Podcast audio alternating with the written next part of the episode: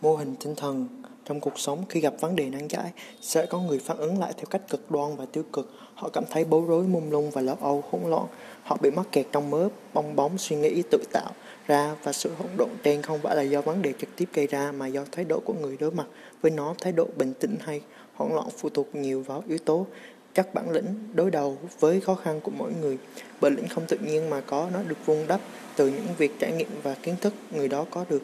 Nhiều lời khuyên cho rằng bạn nên giữ bình tĩnh trong lúc căng thẳng. Điều này giúp bạn nhìn nhận vấn đề theo một góc nhìn khác và nghĩ ra các hiệu quả xử lý. Nhưng làm gì trong đầu mình có những góc nhìn xử lý vấn đề. Trong phạm vi phần 1 mình sẽ giới thiệu khái, khái niệm mô hình tinh thần. Mô hình tinh thần não chúng ta rất biết cách lười. nói biết việc ghi nhớ tất cả những chi tiết của thế giới xung quanh cực kỳ tốn năng lượng, do đó nó tạo ra một màn lọc nhằm loại bỏ những chi tiết nhiễu thứ yếu, chỉ giữ lại những phiên bản đơn giản dễ hiểu. Để nhìn nhận vào thế giới này, phiên bản đơn giản nó được gọi chung là mô hình tinh thần. Nó kỳ vọng cơ bản của một cá nhân về cách mọi thứ hoạt động. Ví dụ, bạn thường đọc sách như thế nào? Tôi thường bắt đầu đó mô hình tinh thần là niềm tin chủ quan, nó không phải sự thật. Đó là niềm tin của chúng ta về cách mọi vật, mọi việc, hành động dựa trên những trải nghiệm trong quá khứ, cách mình nuôi, dưỡng, tùy thuộc vào bối cảnh gia đình hay văn hóa vùng miền. Đó là góc nhìn độc lập, chỉ có mình bạn sở hữu, nó giúp bạn đánh giá tình hình, dự đoán tương lai và đưa ra quyết định. Mô hình tinh thần trong cuộc sống từ mô hình tinh thần có vẻ giống một khái niệm tâm lý phức tạp, nhưng thực ra nó khá gần gũi. Chúng ta học hỏi những kinh nghiệm trong quá khứ và áp dụng cách nhìn nhận đó vào mọi việc trong cuộc sống. Ngày còn trẻ khi kinh nghiệm còn xanh non, chúng ta nhờ cậy vào những lời khuyên, kinh nghiệm của người khác, dựa vào framework khoa học để giúp tư duy rành mạch. Có thể bạn có thể ứng dụng nguyên lý 80-20 vào tối ưu nguồn lực nâng cao hiệu suất. Bạn muốn nước lạnh thì phải đưa nó vào một môi trường nhiệt độ thấp hơn. Muốn giữ nước mát trong thời tiết nóng thì vắt ngăn để cách ly nó với môi trường. Khi cần ghi chú, bạn có cấu trúc Cornell để dàn review nắm bắt ý chính dùng mind map khi thực hiện. Cụm từ mô hình tinh thần là một thuật ngữ bao quát cho bất kỳ loại khái niệm framework hoặc thế giới quan nào mà bạn đang theo trong đầu. Khi dựng hộp công cụ suy nghĩ, chúng ta sử dụng kiến thức dễ hiểu về môi trường xung quanh. Do đó khả năng nhìn nhận hoặc đánh giá một tình huống của mỗi người phụ thuộc vào lượng kiến thức và cách họ hiểu. Và để nhìn nhận một vấn đề giải quyết nó tốt hơn chúng ta phải trở thành người biết tất cả mọi thứ. Charlie Munger là đại diện tiêu biểu cho việc sử dụng những mô hình tinh thần, ủng hộ việc tìm kiếm những khái niệm cơ bản quan trọng nhất trong mỗi ngành học. Quy tắc đầu tiên của bạn là không thực sự biết điều gì.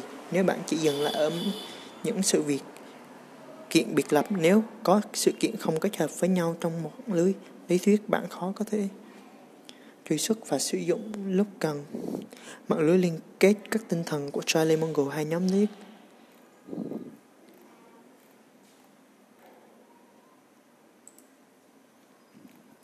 tư duy đảo ngược. Inversion.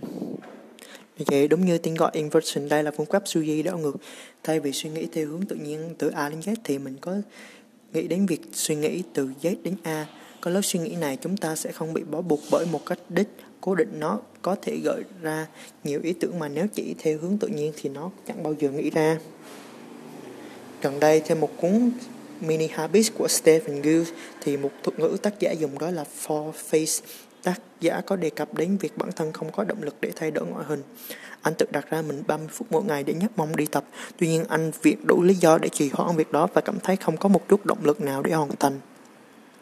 Và khi biết đến four phase tương tự như inversion thinking cân nhắc những điều đối ngược so với những gì đang suy nghĩ, xem nó có thể phát triển được ý tưởng nào đó hay không, anh ta nghĩ về điều đối ngược lại với 30 phút tập luyện, ăn một que kem, xem TV là một ví dụ anh tiếp tục nghĩ các khả năng khác. Ví dụ thời lượng tập luyện thay vì 30 phút mệt mỏi đầy mồ hôi thì mình chỉ một cái bút up thôi thì sao? Và thế là quyển mini habit ra đời và chương đầu tiên là câu chuyện mỗi ngày. Một cái boost up của anh. Các cách để áp dụng inversion. Tránh sự ngu ngốc.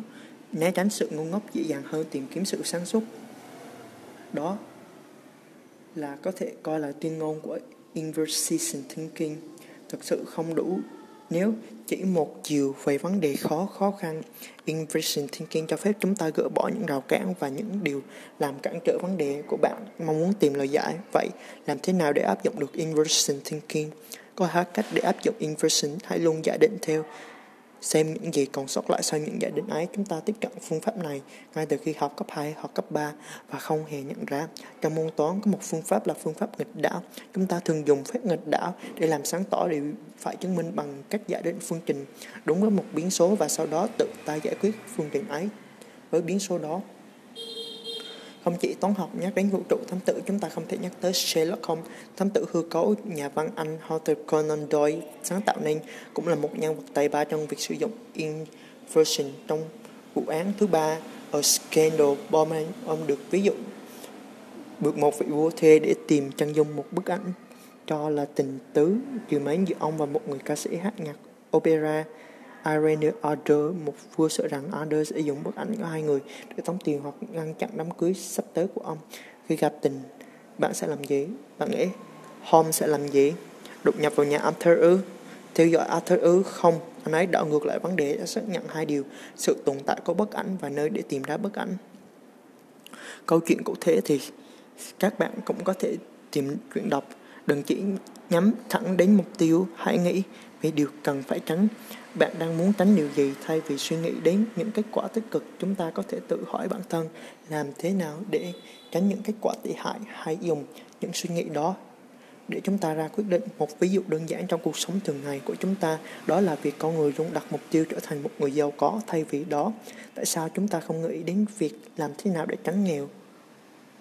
Thay vì cố nghĩ đến trở nên giàu có, chúng ta có thể loại bỏ những yếu tố nào nguyên nhân gây nên sự phá hủy sự trở nên tình nguyện tiêu tiền nhiều hơn thu tiêu những món đồ đắt đỏ, không lên kế hoạch trả, không có kế hoạch thu chi rõ ràng có 5 bước để xác định những lối suy nghĩ, đó là bước 1 xác định vấn đề bước 2 đặt ra mục tiêu để giải quyết vấn đề ấy Bước 3. Tìm ra các yếu tố giúp ta đạt được mục tiêu trên. Bước 4. Tìm ra các nguyên nhân có thể cản trở các mục tiêu trên. Bước 5. Xây dựng các giải pháp bằng cách kết hợp việc tăng khả năng thành công của bước 3 và giảm lại các nguyên nhân của bước 4. Inversion trong thực tế được bản thân áp dụng như thế nào? Dạo gần đây mình đang loại thói quen viết journal, mình thấy đa số mọi người thường đặt các mục tiêu nhỏ ở dạng checkbox. Việc nào hoàn thành thì tích một cái, việc này đối với mình không quá hiệu quả. Ở những mục tiêu lớn, ví dụ mình có ra mục tiêu mua nhà chẳng hạn thì inversion sẽ được áp dụng như sau. Bước 1 xác định vấn đề, ok hiện giờ mình không có đủ tiền để mua nhà. Bước 2 đặt mục tiêu, ừ vậy mình cần phải tiết kiệm. Bước 3 tìm ra các yếu tố giúp cho việc mua nhà, có việc full time nhận việc freelance ngoài giờ có kế hoạch thu chi rõ ràng, kiểm soát việc chi tiêu, đầu tư, tìm hiểu chứng khoán. Bước 4. Tìm ra các nguyên nhân cản trở việc mua nhà. Mua quá nhiều đồ không cần thiết, kế hoạch tài chính lỏng lẻo, thất nghiệp, không chịu đầu tư, đi búp 7 ngày trên 7, 7 tháng nào cũng đi du lịch, đi ăn nhà hàng sang chảnh hàng tuần. Bước 5 dựa trên việc mình đã liệt kê ở bước 3, bước 4 thì mình cũng tự thấy bản thân mình cần phải tập trung vào việc gì, cải thiện những vấn đề gì và cần phải tránh điều gì để có thể đạt được mục tiêu khi viết ra những điều trên một plan và kế hoạch tài chính cá nhân cũng đang thực hiện dần dần.